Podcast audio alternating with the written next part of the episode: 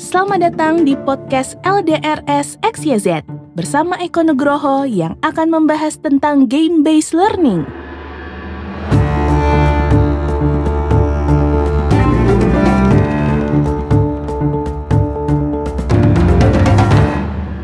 Di awal abad ke-20, sekitar tahun 1902 hingga 04, di saat wanita belum memiliki hak untuk memilih, ada seorang wanita bernama Elizabeth Maggie Phillips mendesain sebuah game.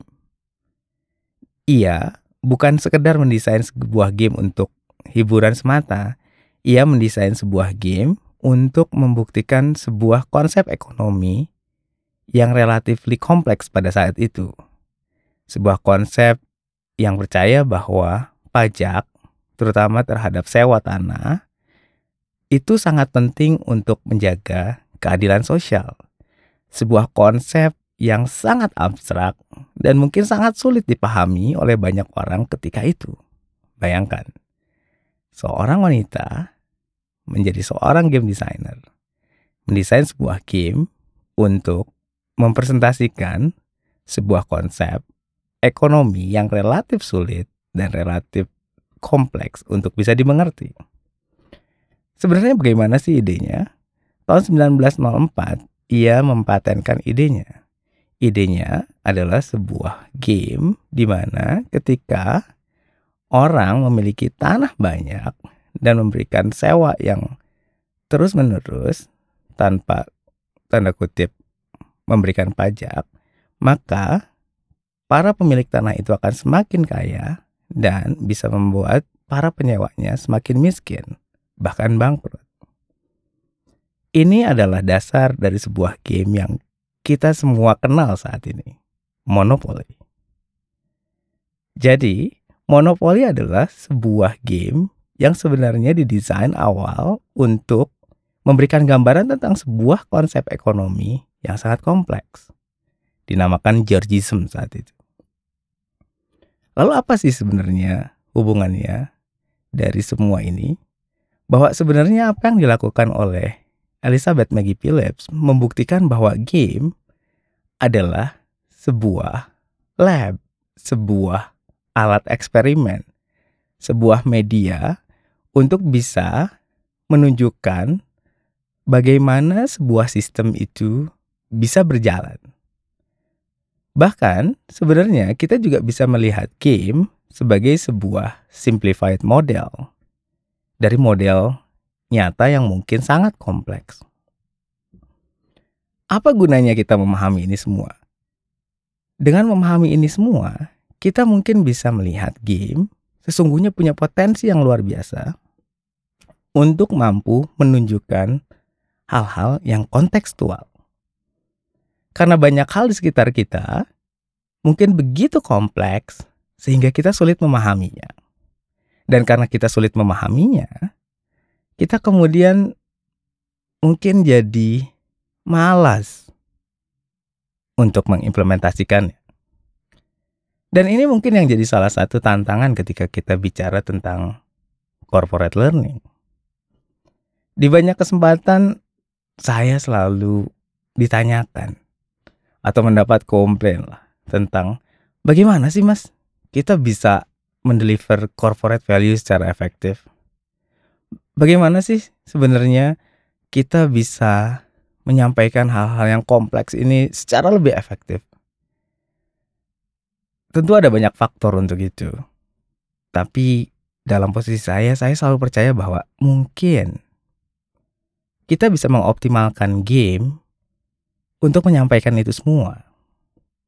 Karena pada dasarnya Sekali lagi, seperti yang tadi diceritakan, game mungkin bisa menghadirkan konteks, bisa menyederhanakan berbagai kompleksitas, bisa kemudian juga memberikan gambaran secara lebih luas tentang apa yang terjadi jika sesuatu itu kita lakukan atau jika sebuah keputusan kita ambil.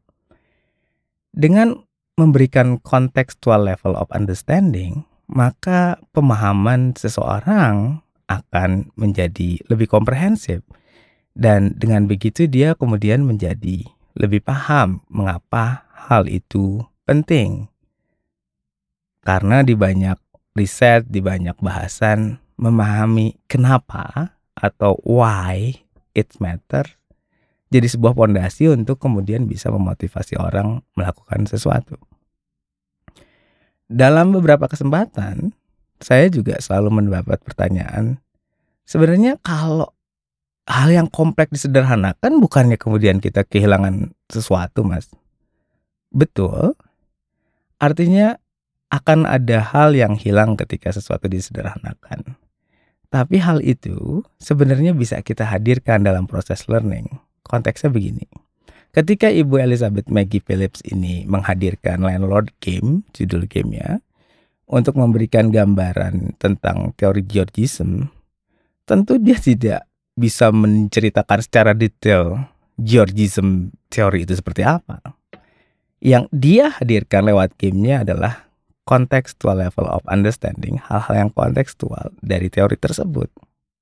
Setelahnya, ketika orang paham konteksnya apa, pada dasarnya hal-hal yang lebih detail bisa kita sampaikan dengan relatif mudah. Inilah yang sebenarnya jadi kunci pendekatan game based learning. Bahwa sebenarnya kita bisa menghadirkan hal-hal yang kontekstual melalui game. Dan ketika hal itu sudah tersampaikan, ketika kemudian orang telah memahaminya dengan baik, maka kita punya kesempatan untuk memberikan pendetilan secara lebih optimal. Nah, yang kadang kita lupa adalah kita berpikir bahwa belajar itu one time shot. Artinya begitu sudah disampaikan di kelas, udah pasti semuanya dipahami. Padahal mungkin dalam era saat ini yang kita butuhkan adalah sebuah continuous learning process. Tapi initial understanding atau contextual level understanding matters untuk bisa mendorong sebuah continuous learning process yang benar-benar baik. Dan di sinilah mungkin potensi dari game based learning. Lebih dari itu, sebenarnya ketika kita bermain game, ada potensi bahwa kita bisa melihat banyak hal dari sudut pandang yang lebih komprehensif. Beberapa orang bilang ini adalah helikopter view. Kita bisa melihat peran kita seperti apa di sebuah sistem yang lebih besar. Misal, di satu kasus kita bicara tentang penerapan SOP. Selalu ada tantangan dalam bagaimana sih bisa memotivasi orang untuk bisa menerapkan SOP secara baik. Oke, okay, dia sudah dikasih panduannya, dia sudah hafal semuanya, tapi entah kenapa kok orang-orang nih masih malas melakukannya. Mungkin masalahnya adalah bahwa mereka belum sepenuhnya paham mengapa hal itu penting. Apa yang terjadi ketika ia melakukan hal itu? Apa yang terjadi kalau dia tidak melakukan hal itu? Karena mungkin hal itu sederhana pakai helm karena mungkin hal itu sesederhana mencatat nama. Karena mungkin hal itu sesederhana jangan sampaikan passwordnya. Mereka tidak paham kenapa hal itu jadi big deal, kenapa hal itu jadi matters. Karena mereka tidak pernah merasakan dampaknya, mereka tidak pernah merasakan juga tanda kutip akibatnya. Game bisa menghadirkan itu semua dalam waktu yang relatif singkat. Dan ketika kita hadirkan, mungkin mereka kemudian melihat, wah gitu ya. Ternyata hal kecil itu penting. Oh, ternyata peran saya nih yang cuma begini itu penting. Oh, ternyata saya nih berarti di sebuah sistem yang kompleks ini. Dengan paham mengapa sesuatu itu penting, dengan paham bagaimana posisinya itu ternyata penting, banyak hal kemudian akan terbuka. Dan kita bisa detailkan banyak hal. Ini kembali adalah salah satu potensi dari pendekatan game based learning. Dan ini bisa kita optimalkan bersama. Di lain sisi, game based learning juga punya potensi yang luar biasa untuk memberikan ruang berlatih bagi para facilitator. Saat ini adalah era di mana kita belajar many to many. Di mana sebenarnya setiap dari kita bisa belajar dari setiap orang lain yang ada di ruangan yang sama atau bahkan di tempat yang berbeda. Kita bisa belajar dari banyak orang.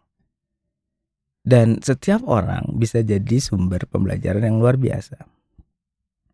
Namun, untuk bisa mengoptimalkan itu, butuh peran fasilitator yang hebat, yang baik, yang tepat. Ketika kita menghadirkan sebuah program game-based learning, seorang fasilitator pada dasarnya melatih dirinya untuk bisa menghadirkan sebuah sesi pembelajaran many to many. Karena konteksnya adalah dia memfasilitasi sebuah proses pembelajaran yang sangat dinamis. Sebuah proses pembelajaran yang sangat-sangat bervariasi. Sebuah proses pembelajaran yang melibatkan begitu banyak pihak di satu waktu dan memberikan ruang untuk mereka berinteraksi secara aktif satu sama lain. Ini adalah sebuah ruang pembelajaran yang sangat-sangat excited, yang sangat-sangat menggembirakan dan memberikan ruang untuk sang facilitator belajar. Ini adalah sebuah ruang pembelajaran yang tak terhingga. Sehingga sebenarnya ketika kita memfasilitasi sebuah game based learning secara langsung kita sebagai facilitator sesungguhnya terlibat dalam sebuah proses pembelajaran yang luar biasa. Dan semakin sering kita melakukannya, kita semakin belajar banyak hal. Nah, inilah kenapa mungkin game based learning menjadi sesuatu yang sangat potensial. Bukan hanya kemudian dia bisa memberikan kesempatan untuk peserta memahami sesuatu yang kompleks, yang abstrak, mungkin yang high level secara lebih kontekstual. Di saat yang sama, game based learning program juga menjadi ruang bagi fasilitatornya untuk benar-benar berlatih dan belajar menjadi fasilitator yang lebih baik lagi. Dan karena kemudian setiap sesi itu selalu dinamis, tidak ada sesi yang sama dan karena tidak ada sesi yang sama, setiap sesi akan jadi kesempatan belajar yang menyenangkan, menggembirakan, menantang tentunya. Dan ini adalah sebuah kesempatan yang luar biasa. Bayangkan kalau kemudian kita bisa hadirkan ini di setiap ruang pembelajaran yang ada. Kita menghadirkan ruang pembelajaran yang penuh cerita. Dan seperti dibahas sebelumnya, kalau kemudian kita bisa mulai ini di setiap perusahaan yang ada di Indonesia dan kemudian kita bisa meyakinkan setiap peserta di setiap ruang pembelajaran di corporate ini yang notabene orang tua bahwa belajar itu menyenangkan, bahwa belajar itu sebuah kesempatan untuk bergembira, bahwa belajar itu adalah sebuah kesempatan untuk berbagi hal baik. Bayangkan kalau kemudian semangat itu mereka bawa ke rumahnya. Akan banyak hal menjadi luar biasa. Corporate learning, game based learning mungkin adalah titik awal untuk kita sama-sama menghadirkan sebuah proses pembelajaran bermakna untuk seluruh Indonesia. Podcast LDRS XYZ diproduksi oleh monkeymelody.com dan dipersembahkan oleh Kumara. Temukan informasi tentang board game, podcast, webinar, dan artikel tentang leadership dan followership melalui website ldrs.xyz.